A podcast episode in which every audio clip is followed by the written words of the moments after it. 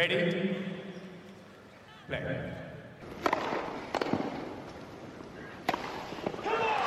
Merhabalar Raket Servis'in YouTube kanalına hoş geldiniz. Merhaba. Evet bugün ilk defa YouTube'da bir röportaj yapıyoruz. Hem de çok özel bir isimle. İstiyorsanız uzatmadan başlayalım. Evet yanımızda İpek Öz var. İpek hoş geldin. Hoş Merhaba, geldin İpek. buldum. Nasılsın iyi misin? İyiyim, sağ olun. Sizler nasılsınız? Biz de. Görmeyeli bronzlaşmışsın. Onu bir e, fark ettim ben. Hollanda Biraz, haftadan sonra yağmurlu. Portekiz yaramış. Portekiz biraz sıcak hakikaten. Bizi bir hayli yordu diyebilirim orası. Beklediğimden çok sıcak değil. Bir de Almanya'dan geçince ekstra bir sıcak geldi. Tabii, Almanya'nın havası meşhur. Yaz sıcağı kavurur. Aynen. İpek neredesin şu anda? Neler yapıyorsun? Ee, yeni finalini konuştuk, kutladık podcast'te. Şimdi biraz sanırım turnuvasız bir dönem. Evet, bir 10 gün falan e, İstanbul'dayım. Daha antrenman yapmadım ama. Yarın antrenmanlara başlıyorum. Küçük bir ara verdim. E, bacağımdan dolayı da aslında dinlenmem gerekiyordu. E, haftaya Sevilla'da bir tane 25 binlik var. Oraya gideceğiz. Dediğim gibi yarın çalışmalara başlayacağım onun için. İple çekiyorum çünkü gerçekten artık önemli turnuvalar. Biraz son düzlük diyebilirim. İyi süper. O yüzden Öncelikle- sıkı çalışıyoruz. Ge- geçmiş olsun diyelim bir fin- e, kupa töreninde de sargın vardı ama haftaya oynayacağına göre çok da e, kritik bir şey değil. Evet biraz anlık bir olaydı muhtemelen. Şu an kendimi çok daha iyi hissediyorum. Umarım aynı şekilde de devam eder. O zaman biz e, bu seneye geleceğiz zaten. Hani son turnuvaları da konuşacağız ama bir en baştan başlayalım mı? E, klasik bir soru olacak ama tenise başlangıç hikayeni soracağım. Şimdi bu belki sen çok anlattığın için sana belki sıkıcı geliyor olabilir ama geçen birisiyle konuşuyordum. İşte e, senin hikayeni anlattın dedim işte şöyle şöyle. Bu seviyede bir turnuva oynuyor. İnsanlar özellikle Türkler diyorlar ki yani nasıl başlıyor? Ne- nereden başlıyor bu insanlar da dünyada ilk bilmem kaça gelebiliyorlar? Bir de senden bir hikaye alalım mı? Ya benim başlangıcımın hiç özel bir hikayesi yok maalesef. Size bu hikayeyi çok özel bir şekilde vermek isterdim ama baya baya e, annemle babam hani ablam voleybol oynuyor diye farklı bir spor yapsın demişler ve tenis seçmişler. Etrafta kulüp var. Bayağı. Yani evet bir tane kulüp ya zaten hmm, teyzemler falan üyeymiş ilk başladığım kulübe. Hı hı. Demişler hani orayı verelim başlasın bari bir uğraş olsun sporcu olsun hani spor yapsın en azından falan diyerek öyle başlatmışlar beni tenise. Aile desteği. Böyle ilk e, Junior'da bölge turnuvaları oluyor, Türkiye şampiyonaları oluyor. 8 yaş, 10 yaş, 12 yaş falan. Orada hep böyle kupaları topladın mı yoksa hani ortalamayken birden başka bir seviyeye mi evrildi iş? Nasıl oldu? Ben hiçbir zaman acayip başarılı olmadım küçükken. Yani şöyleydi hatta 8 yaşında falan hatırlıyorum. Böyle acayip duygusal çocuktum zaten. Her maçtan sonra ağlıyordum falan ben niye yenemiyorum falan diye. Böyle çok başarılı değildim o dönemlerde. Zaten yaşım ilerledikçe de biraz hani eğitime kaydım. Eğitime kayınca da işte antrenman saatleri düştü falan filan derken başarı biraz daha düştü benim için. Sadece ulusal turnuvaları oynuyordum. Yani profesyonel olana kadar çok da bir şeyim yoktu aslında. O nereden çıktı peki? Aynen Madem profesyonel nasıl okul var, başarı çok yok. Profesyonellik nereden çıktı? Ya o biraz şöyle oldu. Ben lise 1'deydim sanırım. 3 ay falan tenis bıraktım. Dedim hani derslerime birazdan yöneleyim falan. Hayatımda daha çok sıkıldığım bir dönem hatırlamıyorum. Yani bu kadar hani eve gidiyorum yapacak hiçbir şey yok. Ee, zaman geçmiyor, aktivite yok falan filan. Ben dedim yapamayacağım, geri döneceğim falan. Ve o boşlukta aslında ne kadar çok sevdiğimi, buna ne kadar çok bağlandığımı anladım. Yani onun yoksunluğunu çekmem bana bir farkındalık oldu aslında. Ya böylelikle daha iyi tenis oynamaya başladım aslında. Biraz daha böyle işin zevkini e, çıkarmaya başladım. Sonra da e, İstanbul'da bir tane tenis rock turnuvası oynuyordum. TED'de oynuyordum aslında. TED kulübünden teklif aldım. Daha sonra dedim ki madem e, böyle bir yere geleceksem yani İstanbul'a geleceksem baş, yani da en iyisine gitmek isterim falan dedim. Öyle Enka'ya geldim falan filan derken bir anda orada her şey oldu yani. Bir anda profesyonellik Aynen. kararı. Bir, bir anda evet. Zaten Peki bu seviyordum. kaç yaşına tekabül ediyor? Ve nereden taşındın? Ee, Ben Antalya'daydım. 16 yaşındaydım. İstanbul'a geldiğimde. Ailen de geldi mi peki yoksa tek başına mı gittin? Hani 16 yaş Yok sonuçta. ben tek başıma geldim. Ailem çünkü e, babam zaten çalışıyordu. Annem gelemezdi benimle tek başına. İşte ablam da vardı falan filan. Onlar Yani çok kurulu bir düzenleri oldukları için hani bunu ben de teklif etmek istemedim. Zaten onlar da muhtemelen gelemezdi. Ee, o yüzden tek başıma gitmek zorunda kaldım. O yalnızlığı hissettin mi yoksa kulüp seni çok mu e, iyi karşıladı? Başlangıç illaki şehir değiş, bütün düzeni değişiyor yani. İlk dönemler gerçekten çok zordu. Çünkü hiç bu kadar e, ailemden ayrı kalmamıştım. Evet turnuvalara gidiyordum ama maksimum iki haftaydı. Sonrasında yine ailemle görüşüyordum. Ya bir gittim 3-4 ay falan oldu artık çok şaşırmaya başladım anne. Ya çok değişik bir durum falan. Ama böyle alıştım. Arkadaşlarım e, o zamanlar çok kalabalık bir ekiptik biz. Arkadaşlarım işte arkadaşlarım aileleri falan hepsi sağ olsunlar gerçekten çok destek oldular. Hı hı. Hep beraber o dönemi bir şekilde atlattık. Sonra da açıkçası biraz alıştım. Alıştıkça da her şey daha çok kolay oluyor benim için. Peki 16 yaşında İstanbul'a taşınıyorsun. Profesyonel olma kararı çıkıyor birden bir anda. Şimdi biz tenis ülkesi değiliz Türkiye olarak. Ne yapıyorsun yani neye kimi örnek alıyorsun ya da nasıl bir rota çiziyorsun? O zamanki hedeflerini hatırlıyor musun? Bu önümüzdeki şu zamanda şunu yapmak istiyorum gibi şeyler var mıydı aklında? E, o zamanlar İstanbul'a ilk geldiğim zamanlar bizim en büyük avantajımız he, yani Türkiye'deki en iyi tenisçilerin bir arada olmasıydı. Sadece sanırım Pemre abla ve Çağla abla bizimle değildi. Onun haricinde Cem olsun, Altı olsun, Berfu benimle aynı yaştaydı ki benden o zamanlar çok daha iyi oynuyordu. Aile olsun oradaydı, İpek oradaydı falan. Yani hep bunlar aslında yakından görüyordum ne yapıyorlar, ne ediyorlar falan filan. Onlara biraz ayak uydurarak aslında hani bu ortama biraz daha rahat girebildim. Çünkü onun haricinde Antalya'da bizim böyle bir ortamımız yoktu maalesef. Örnek alabileceğim biri de yoktu. Ama İstanbul'a gelince onlar yakınımda olduğu için nasıl ısınıyorlar, nasıl e, işte soğuyorlar, antrenmanda ne yapıyorlar, ne yiyorlar, ne içiyorlar biraz daha yakından görebildiğim için böyle biraz daha kolay adapte oldum diyebilirim. E, yani o zamandan sonra zaten turnuvalara katılmaya başlıyorsun. Çünkü çok fazla, evet. çok az junior oynamışsın. Bir iki turnuva mı var ya da yok gibi bir şey değil mi? Ee, üç turnuva oynadım herhalde. Ee, İstanbul'da, Antalya'da bir de Bulgaristan'da olması lazım ya. Bu kadar herhalde. Ondan sonra zaten direkt ITF oynamaya başlıyorsun. Ya evet çünkü geliyor. Junior zaten acayip masraflı bir yer. Hani kesinlikle para kazanamıyorsun.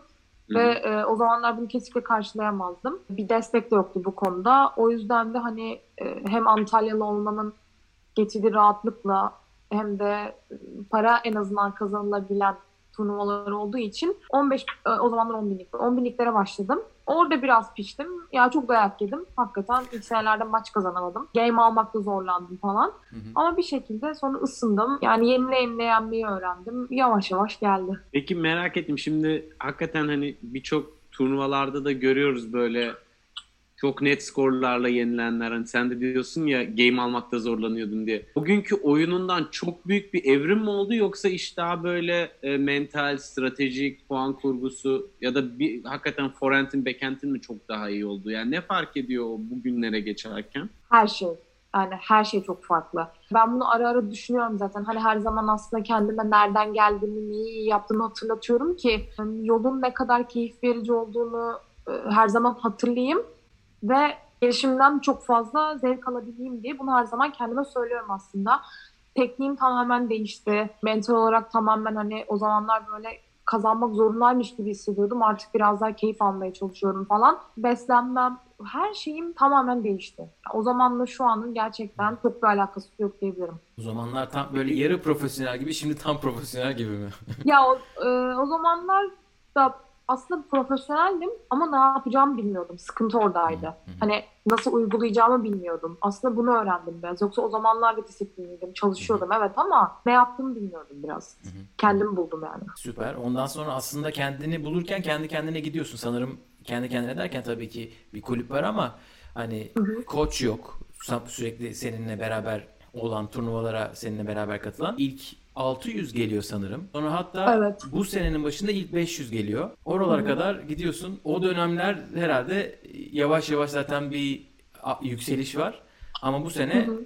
bambaşka bir yer. Şimdi ilk 500'de evet. başladığın sene ya bu hafta neden açıklanmadığını bir türlü anlayamadığımız sıralamalarda ilk 300'e nerede neredeyse girecektin. Gireceksin gibi gözüküyor. Buralara geldin. Bu seneyi nasıl özetlersin? Bir sürü şey oldu. Aklına neler geliyor? Ya bu senenin tabii ki game changer diyeyim Mert abi oldu. Hani bir tenisçi zaten hayatında olması gereken en önemli şey bence e, bir antrenör ama inanan bir antrenör. Yani biz nasıl Çağla ve Can dediğimiz zaman gerçekten inanılmaz bir takım aklımıza geliyor. Zaten benim senelerdir örnek aldığım bir takımdı ve hep bunu yapmak istiyordum. Ama o kişiyi bir türlü bulamıyordum. Mert abiyle yollarımız kesiştiği için inanılmaz mutluyum. Çünkü hani ya acayip gerçekten her şey çok değişti. Hani e, sana inanan birinin olması çok çok farklı bir olay. Antrenörlük falan da harcı verdikleri tabii ki onlar da inanılmaz önemli ama içten inanması çok farklı bir olay. Bu çok e, iyi geldi diyebilirim kesinlikle. Nasıl kesişti peki? Nasıl kesişti? Ya Pırağa gittik ben Çağla abla Mert abi. Mert abi zaten Çağla ablayla dönem dönem bazı turnuvalara gidiyormuş sanırım Türkiye'de olduğu zaman. Pırak'ta e, beni bir gün çekti işte kenara. Ya İpek dedi ben hani Türk tenisi bir şeyler yapmak istiyorum. Böyle böyle bir fikrim var. Senle aileyi düşünün ne dersin falan dedim. Mert abi inanılmaz bir şey bu ne diyorsun ya sen falan. Hani gerçekten mutlu oldum. Tabii bu kadar tepki vermedim. Cool'umu kurdum ama inanılmaz mutlu oldum tabii ki. Ben bir düşüneyim. İnanılmaz mutlu oldum. ben, ben biz sizi ararız. Tak, takvime bakayım ne zaman uygunum. Yok yani tabii gerçekten çok mutlu oldum. Çünkü tam olarak istediğim şey buydu. Hani yürekten inanan biri. Çünkü antrenör bulunur ama yürekten inananı bulmak çok farklı mesele. Onun sana inandığını sanırım biz de çok yakından her zaman hissediyoruz ve ne bilmiyorum ben mesela Mert abiyle konuştuğum zaman şimdi abi dedim diye kızacak yine ama e, her zaman böyle yeni bir şey öğreniyorum. Bakış açısı maç izliyoruz beraber. inanılmaz farklı bir yerden anlıyor, yorumluyor, tespitleri var. E, insana müthiş bir şekilde bir farkındalık e, katıyor. Tenise başka bir şekilde de bakabiliyorsun. Yani maçı izlerken bile. Hani böyle biriyle devamlı yan yana olmak e, çok e, eminim ki e, bilgi ve bakış açısı olarak çok şey katıyordur. Yani sadece vuruş tekniği veya korttaki e, oyun stratejisi olarak değil de tenis oyununu genel olarak anlamak adına da bayağı ben çok faydasını gördüm şahsen. Kesinlikle bir turnuvaya gidiyoruz mesela. Ya ben senelerdir orada burada turnuva oynuyorum. Yani bir kız oluyor ya bu kız da hani nasıl oynuyor hiç bilmiyorum diyorum. Mert abi başlıyor bir anda ya Foran şöyle, Beken şöyle, servis böyle falan ben böyleyim. Vay be hani ne ara hani ben tanımıyorum sen nereden şey yaptın falan böyle. ITF seviyesinde bile inanılmaz hakim. Çok çok büyük bir avantaj. Sadece hani rakiplerimi analiz etme değil yani herkesi biliyor. Hı hı. Yani analiz etmese gerek gerek bile kalmıyor. Yani YouTube YouTube'a girip o maçı bulması gerek bile kalmıyor ki bu inanılmaz büyük bir avantaj. Bir ITF seviyesini anlamak sana bile çok değerli geliyor. Bir de izleyenlere, dinleyenlere biraz anlatalım mı? Şimdi sen bu seneye kadar çoğunlukla giriş seviyesi turnuva oynuyordun yani 15'lik oynuyordun çok fazla.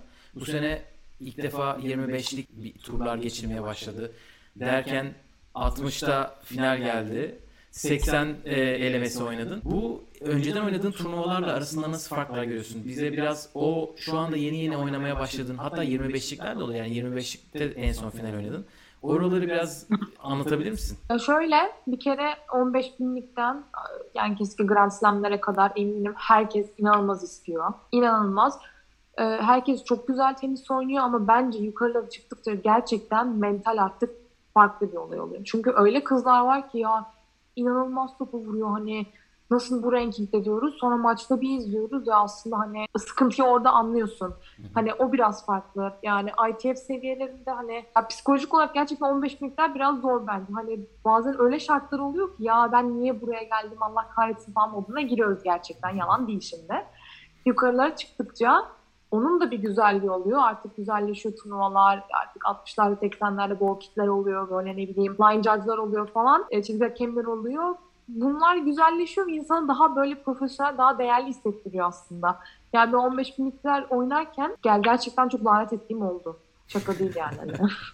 hani at mesela öyle bir ki bazen orada 60-80 oynatmazlar mesela ama hani biz 15 oynuyoruz falan orada böyle şeyler oluyor tabii. Bir de 15'te şampiyon olunca anca kayda değer bir puan toplayabiliyorsun. Evet. Onun da yoruculuğu var. Oynuyorsun, tur geçiyorsun, 3 tur geçiyorsun. Bir puan, iki puan geliyor. Niye oynadım ki ben bu kadar kendimi niye yordum ki diye de düşünebiliyor insan o seviyede. Ya kesinlikle ben finale çıkıyorum sevinemiyorum çünkü kazanmak zorundayım ki hani sıralamam böyle bir 15-20 ilerlesin falan. Finale 6 puan veriyor. 6 puan da vermezsin ya. Hani 25 binliğin ilk turu bu sene 7 puansa 15'in finalinde 6 olmamalı bence. Çok fark var gerçekten Çok arada. acayip fark var. Yani o 15'ten 25'e geçip 25'te ana tabloda düzenli olarak 2-3 tur geçebiliyor olmak bile hani bir sene içerisinde sıralamanı çok etkiliyor. Yani o önemli bir kırılım noktası. Evet evet evet kesinlikle. 25'e girdin sonra 60'ta finale çıktın bir anda. Orada fa- çok farklı kırılımlar gördük bir anda. Çok hızlı oldu bazı şeyler. Ee, aslında ben biraz şöyle düşünüyorum. Yani 25 binlikte çok fazla puan olduğu için 25 oynayanla gerçekten 60, 80, 100 oynayan oyuncular aynı aslında. Çok bir fark yok. Çünkü 25 binlik gerçekten absürt bir puan sistemi var. Hani biraz gereğinden fazla. Hani en alt level'ın bir üstü değil de sanki gerçekten arada böyle 3-4 level fark varmış gibi hissettiriyor. Ya o yüzden ben 100 binlikte de aynı kişilerle oynuyorum. Hatta 125-250 elemelerinde falan hala aynı oyuncularla oynuyorum. Evet, ben de bugün şuna denk geldim. Ee, bir rakamlara falan bakarken 25'in ya finali ya da şampiyonu WTA 250'nin çeyrek finaliyle aynı puanı alıyor. Gibi mesela. yani hani o kadar aslında 25 deyip aldanmayın. Hani 10 katı gibi gözüküyor marka olarak 250 25 gibi ama aslında puanlar pek öyle değil. Ya belki de para ödülü ilk, tabii ki. ilk 20'de falan birini yenmen gerekiyor. 25 binlikte 300-400 numara yenip hani ne bileyim ya böyle finale orada çeyrek aslında level olarak acayip farklı ama puan kısmı da saçma bence. Evet bu sene her türlü seviyede bol bol maç yaptın. hem bu seneki maçlarından hem de geçmişten böyle hatırlar mısın sana şey sorsam. En büyük galibiyetin deyince aklına gelen birden bir maç var mı? Sanırım 2019 WTA'de e, Fanistola'ya karşı aldığım elemede aldığım galibiyet. İstanbul'da mı? Evet İstanbul kaptı. Yani onun verdiği haz, e, kendi işte seyircinin önünde oynamak, e, Center Court'ta oynamak, bir WTA turnuvası olması bunlar e, her şeyden çok daha farklı. Bence o maç diyebilirim kesin. Tribünler nasıldı peki? Eleme orada da seyirci var mıydı destek? Evet evet ya bizim zaten kendi kulübümüzdeydik. Ben o kulüpteydim o zamanlar tabii. E, herkesi tanıyorum. Yani tüm işte e, bizim küçük çocuklar, onların aileleri falan herkesi tanıyoruz. Herkes maçımıza geliyor falan. Bir anda gerçekten çok güzel bir ortam oluyordu. Çok güzel bir destek oluyordu bize ve o yüzden inanılmaz keyif alıyordum orada oynamaktan. En iyi maçlarımı da oralarda çıkarttım zaten. İnsan duygusal faktör e, etki ediyor demek ki. Yani bize Çağla da Kesinlikle. 2016'yı kazandığında ben hep hani hakikaten İstanbul'da ayrı bir seviyeye çıkıyor diye düşünüyordum yani onu canlı Evet. diğer WTA'lerle karşılaştırınca. Kesinlikle evet. Peki en unutamadığın anı sorsam böyle galibiyet olmak zorunda değil. Çok böyle etkilendim. Şurası şu an bambaşkaydı gibi. Ya Gökalp sen de biliyorsun e, Kolonj'da yarı finalde ana Bondar'ı yendiğim zaman çok farklıydı ve çok duygusaldı benim için. Muhtemelen odur ya. Yani O eğer Cenevre hafta- turnuvasından bir şey söylemeseydin burada kaydı kesecektim. Şaka yapıyorum. Sana da biraz kredi verebilirim. Azıcık. Ya, Ben orada yoktum, izleyiciler yoktu. Nedir önemli olan? Da- Anlatın da Evet. biz de hissedelim o unutulmaz anı biraz.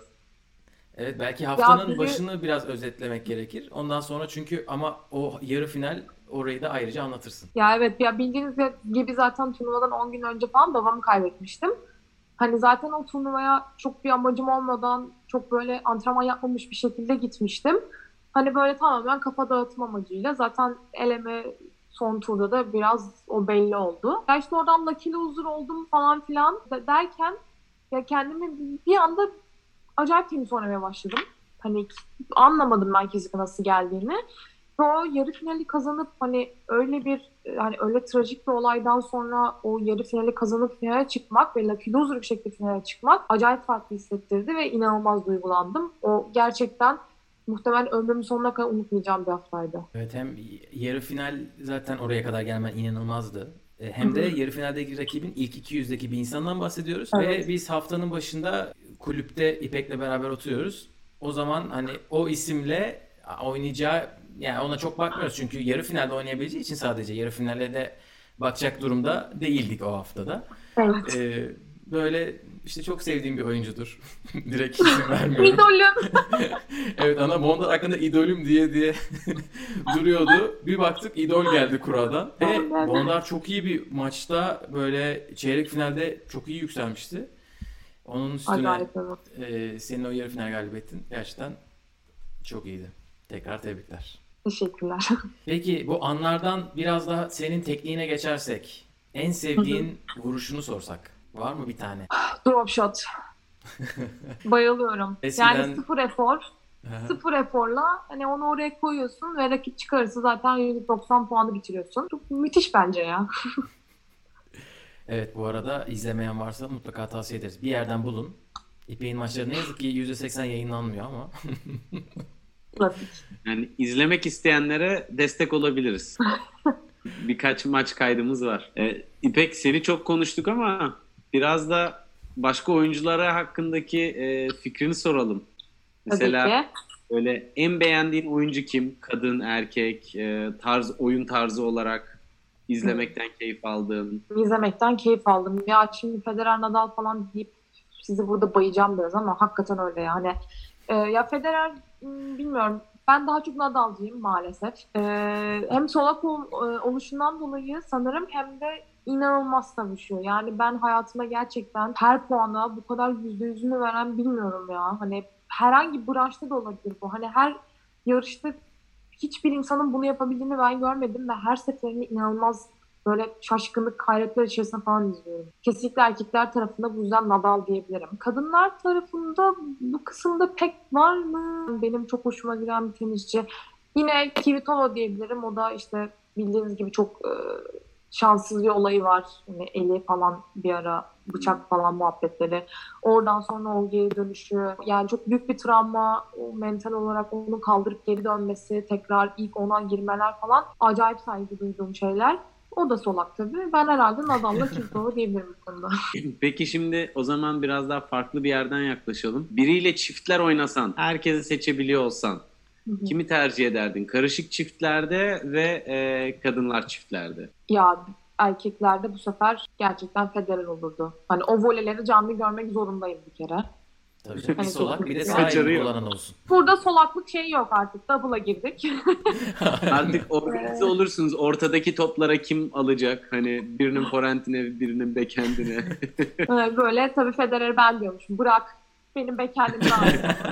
ben de Kendimi Ee, öğrenemedim kadın- bırak. Aynen kadınlar tarafında ya bilmem Hingis falan acayip double oynuyor. Olabilirdi bence. Çok elit bir Belki seçim bir ve yer kapardım. işte işte tenis elit seçimi buna denir. Ya da Navratilova falan. Daha da gidiyor. Aynen. Evet Hingis kaç yaşına kadar karışık çiftler oynadı yani. Tekler kariyeri bitti 10 sene sonra falan hala çiftlerde Grand Slam oynuyordu. Acayip okuyor falan. Eforsuz gibi duruyor falan korktu. Böyle çok garip ya. Peki biraz genel olarak tenis konuşalım. Çünkü sen Eda ile Mert ile final setinde. Tenis olsa ben 3 saat konuşurum demiştin. Onun için biz bol bol konuşacağız. Tenis konuşmadığımız yerler de gelecek.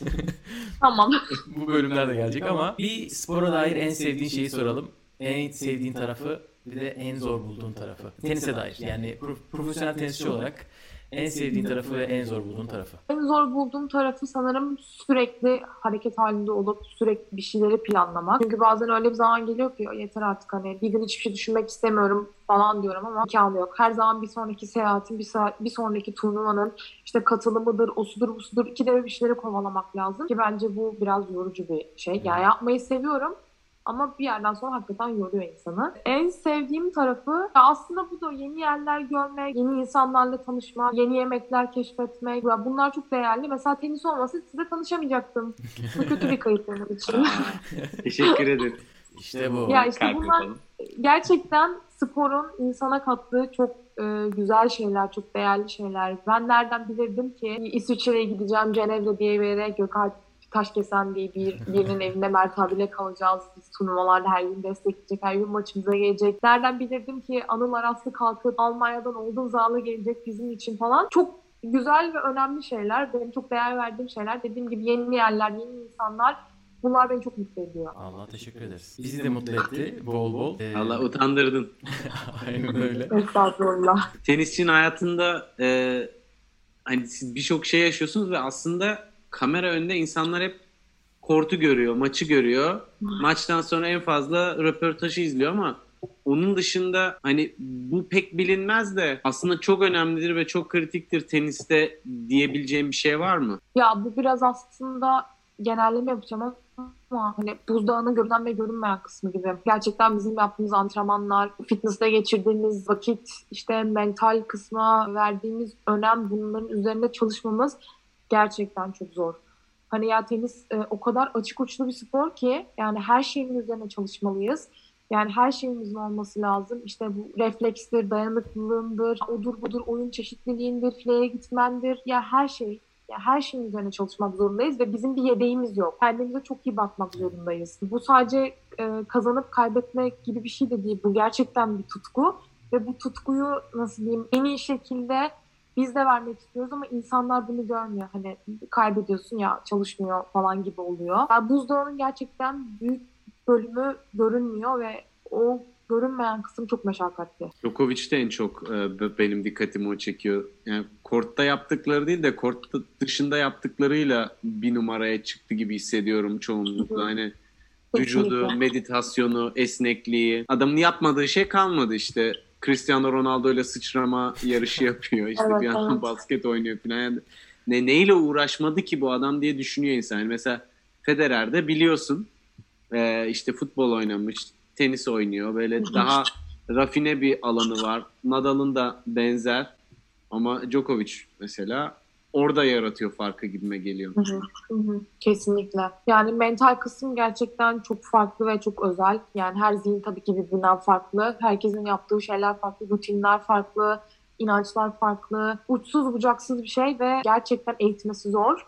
Ama bunu eğitebilen inanılmaz fark yaratıyor. E, o zaman İpek biraz Türk tenisine gelelim. Biz e, taraftarlar olarak böyle bayağı pozitif bir moddayız. Çok mutluyuz. Bir kez taraftarlar olarak birbirimizi keşfettik son birkaç sene Twitter sağ olsun. Diğer tenis takipçileriyle beraber. Ondan sonra zaten Marcel süper işler yapmıştı. Çağla ama şu anda hani böyle yeni yeni isimleri sizi görmek bizi çok mutlu ediyor. İşte sen varsın, aileyi konuştuk. Ee, inşallah geri dönenler olacak sakatlıktan. Altu, Cem, Ergi süper işler yapıyorlar. Biz bayağı pozitif moddayız. İçeriden nasıl? Siz nasıl hissediyorsunuz? İçeriden kesinlikle biz de çok pozitifiz. Ya dediğim gibi Marcel'le Çağla ablanın inanılmaz bir yol açtığını düşünüyorum. Onlar gerçekten yapabileceğimize e, inandıran insanlar oldular. Hatta şunu söyleyeyim. 2016'da Çağla abla kazandığında yani daha doğrusu Çağla abla turnuvayı kazanmadan önce ben gerçekten Amerika'ya gitmeyi falan düşünüyordum. Çağla abla da kazandıktan sonra dedim ki ya neden olmasın hani bak yapılabiliyor demek ki moduna girip biraz daha profesyonel olmaya tekrar hani böyle devam etme kararı aldım. Bence Alaba'nın gerçekten gösterdiği yol hani e, ya açtığı kapılar falan inanılmaz fazla. O yüzden de alttan gelen herkes yani ben e, İpek'in de Başak'ın da onların güzel bir şekilde geri döneceğini düşünüyorum kesinlikle. Ayla zaten şu an dönmeye başladı. Biz geliyoruz Berfu gayet iyi. E, son birkaç ayda birkaç şanssızlığı oldu onun da. Ee, ama o da inanılmaz tenis oynuyor. Erkekler tarafı zaten Altu ile Cem çok güzel işler yapıyorlar. Yani gerçekten inanılmaz gurur duyuyorum. Ee, yine Indian Wells'da işte eleme son turuna çıktılar falan. Çok çok güzel şeyler yapıyorlar. Ee, Ergin'in ve Yankı'nın çok güzel bir çıkışı var. Ya ben çok ümitliyim, çok umutluyum, çok mutluyum. Hepimizin çok güzel şeyler yapacağına gerçekten canlı gönlüm inanıyorum. Bir ekip ruhu da oluşmuş gibi yani. Hepiniz birbirinizle yakın arkadaşsınız. Hani birbirinizin başarılarıyla mutlu oluyorsunuz ve şey de hissediyorum biraz böyle turnuvalara beraber gittikçe daha da güzel bir ortam oluşuyor. Daha rahat hissediyorsunuz kendinizi. Ya kesinlikle mesela e, Lizbon'dan önce ben Wiesbaden'daydım Almanya'da. Gerçekten çok sıkıldım. Tek başımaydım. E, Mert abi Ayla'ylaydık Yunus'ta. İnanılmaz sıkıldım. Ama Lizbon'a gittiğim saniye Berfu'yle beraberdik. Biz aynı odada kaldık ve her gün birlikteydik. Her yemeği birlikteydik. Çok keyifli geçirdim o haftayı. Ve bu sonuca da yansıdı. Yani aslında oradaki arkadaşlık o kadar önemli ki. Çünkü hepimiz her turnuvaya antrenörle gidemiyoruz ve gerçekten bu açığı birbirimize destek olarak kapatıyoruz. Yani biz Berfu'yla tüm maçlarımızı oturup başından sonuna kadar izledik, birbirimizi ısıttık. Hmm. Saat kaç olursa olsun antrenman yaptık, beraber çiftler oynadık falan. İnanılmaz keyif aldık. Yani bu e, bir de şey hani ya birbirimizi desteklememiz gerektiğini düşünüyorum zaten. Sizinle de konuşuyoruz. Medyanın büyük bir eksikliği var bu konuda. Hani artık şey oldu biraz bir elin nesi var iki elin sesi var. Hani o beni paylaşacak ben onu paylaşacağım ki birilerinin dikkatini çekelim. Evet. Medyada bizi paylaşsın artık. Artık biraz o moddayız yani ya insanlar görsün artık çünkü yani ben ne yaparsam, ne kadar başarılı olursam tenisin adı duyulacak. Tenisin adının duyulması demek diğerlerinin de önün açılması demek. Ve ben her zaman böyle düşünüyorum. Hı. O yüzden de bence birbirimizin başarısından mutlu olmalıyız. Çünkü bu uzun bir yol. Yani benim bu hafta 25 kazandığımla yani şimdi sadece ben başarılı olursam tenisimi maalesef duyuramam. Yani hepimizin başarılı olması lazım ki insanlar gerçekten bu sene voleybol olduğu gibi bir böyle destek versin. Böyle bir katkı sağlasın bize. Ya şeyde mesela hani biraz uç bir örnek ama Raducanu US Open'ı kazandıktan sonra işte Gökalp geçen paylaştı. 30 Hı-hı. milyon poundluk bir fon ayırmış, e, paket ayırmış İngiltere.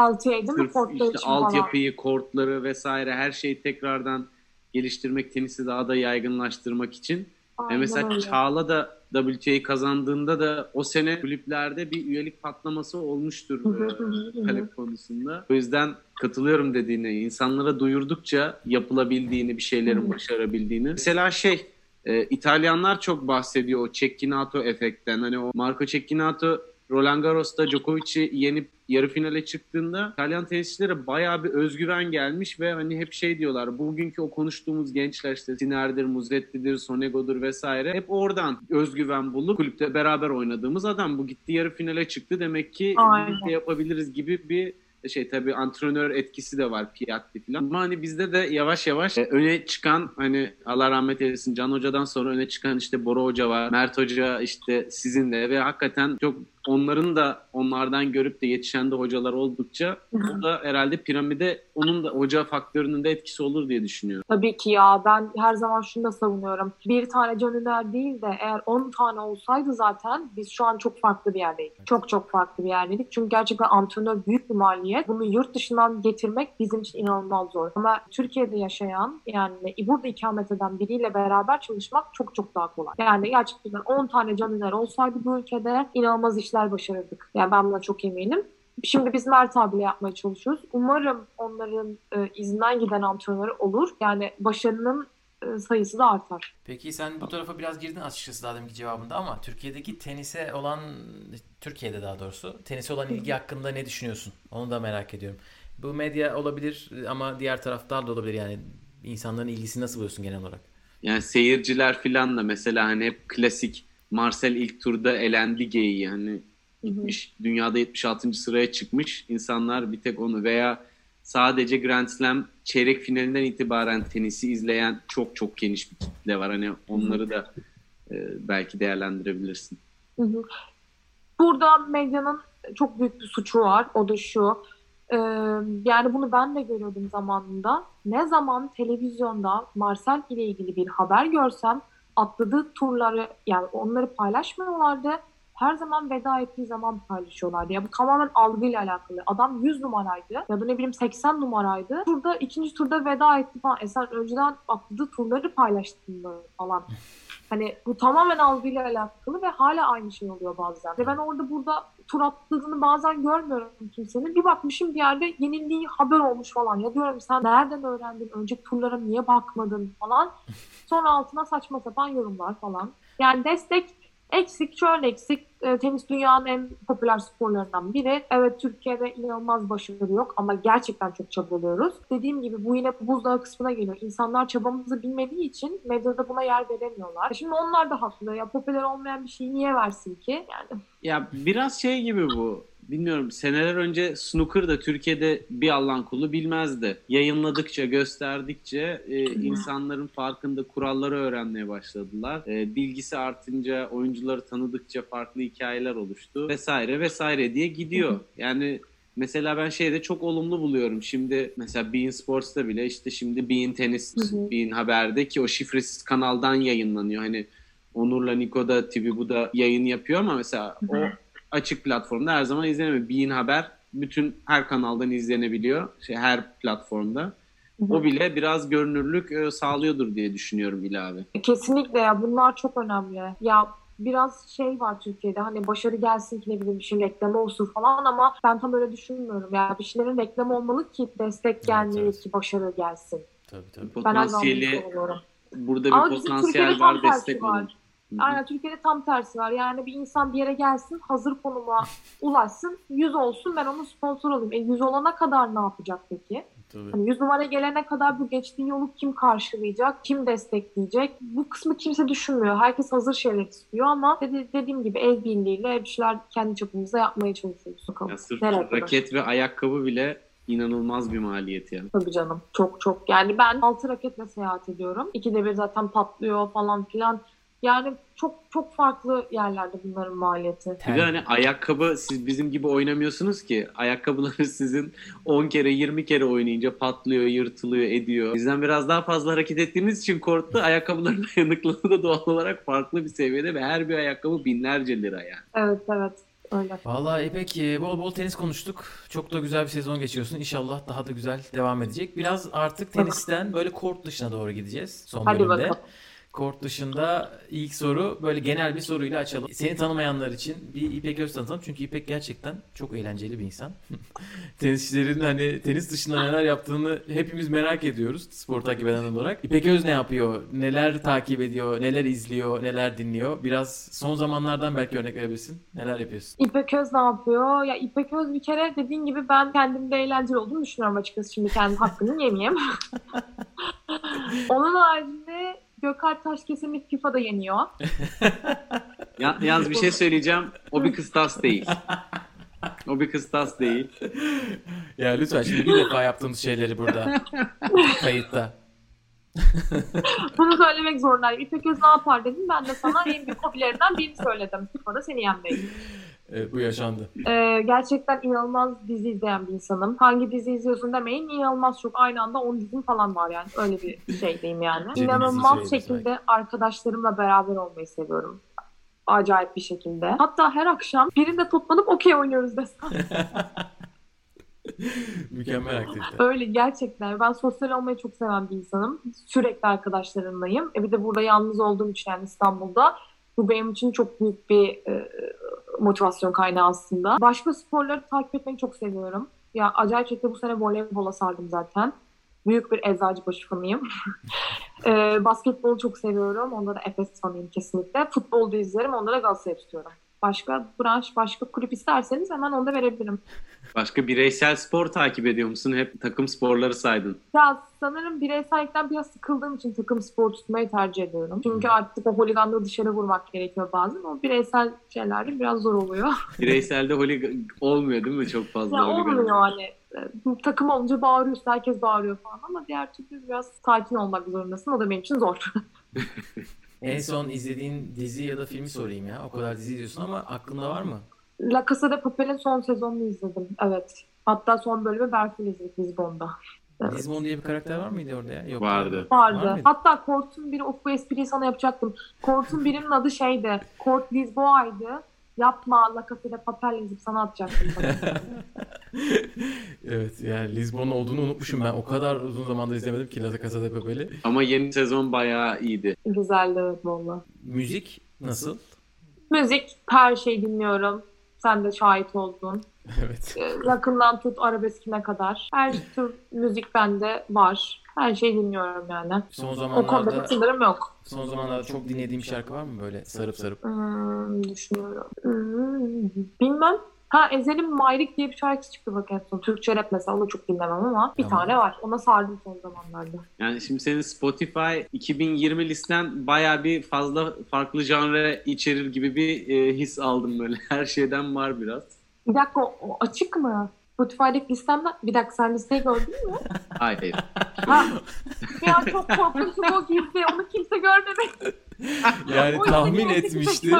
Tahmin tuttu. kendime gizli yaptım çünkü. Artık neler varsa o listede düş, düşüncesi kötü. bile e, gerdi ipi. Evet, eğer şu anda- Gürses, Yıldız Tilbe falan her şey onda var. Oraya girmeyin. Eğer şu anda bizi podcast olarak dinliyorsanız lütfen burada durdurun ve YouTube'a gidin ve İpek'in yüz ifadesini görün. Playlistinin. O açık olsa her şeyin de şifre olur. Onun kapalı olması lazım. Evet bakalım sorarız. Belki paylaşırsın Spotify Rap'te oluyor ya böyle sene sonunda. Şunları en çok dinlediniz. O çok zor. Onu paylaşmasam O iyi olur. özelim diyorsun. 2020'de en çok dinlediğim şarkılar şarkılarından oluşan bir e, Spotify rap listesi olabilir. Rap mi? Keşke rap olsa. Allah'a çok merakla bekliyoruz. Belki paylaşırsın artık. Hep beraber bakarız. Anıl son bölüme geçelim mi? Ne dersin? Olabilir. Bu bizim daha önce aileyle yaptığımız röportajda da yaptığımız bir kısımdı. Üzerinden biraz vakit geçti ama dedik Team Mert adına bu soruları sana da sormazsak olmaz. Hadi bakalım. Hızlı cevap Konsept lazım. X mi Y mi? Yani ben sana iki seçenek vereceğim. Sen hemen Tamam. A veya B diyeceksin. Hazırsan başlıyorum. Hazırım. Mesaj mı arama mı? Mesaj. Çay mı kahve mi? Ee, kahve. Büyük bir parti mi yoksa küçük bir grupla buluşma mı? Küçük bir grupla buluşma. Kedi mi köpek mi? Köpek. Steak mi salata mı?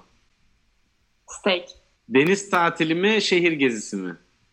Şehir gezisi, Dizi mi, film mi? dizi, Çok şaşırdık. kitap mı, e-kitap mı? e, kitap. Konser mi, tiyatro Bir mu? dakika. Tam E-kitap ortada değil. söyledin. E-kitap değil. Tam ı kitap gibi Ama bir şey. düşünürken kitap dedim. E-kitap değil. Normal kitap. E, oldu bir an kitap. Normal kitap. Basılı E-kitap. böyle kağıda, Aynen o, o şey olan. kağıda. Aynen o. O zaman sonuncu soruda konser mi, tiyatro mu? E, konser. İpek'i de böyle bu taraflarını da hafiften tanımış olduk. Gökalp ya- yayından sonra bir Excel hazırlayıp aileyle İpek'in cevapları yan yana koyup böyle e, bir tutarlılık testi mi yapsak bilemedim. Aynen.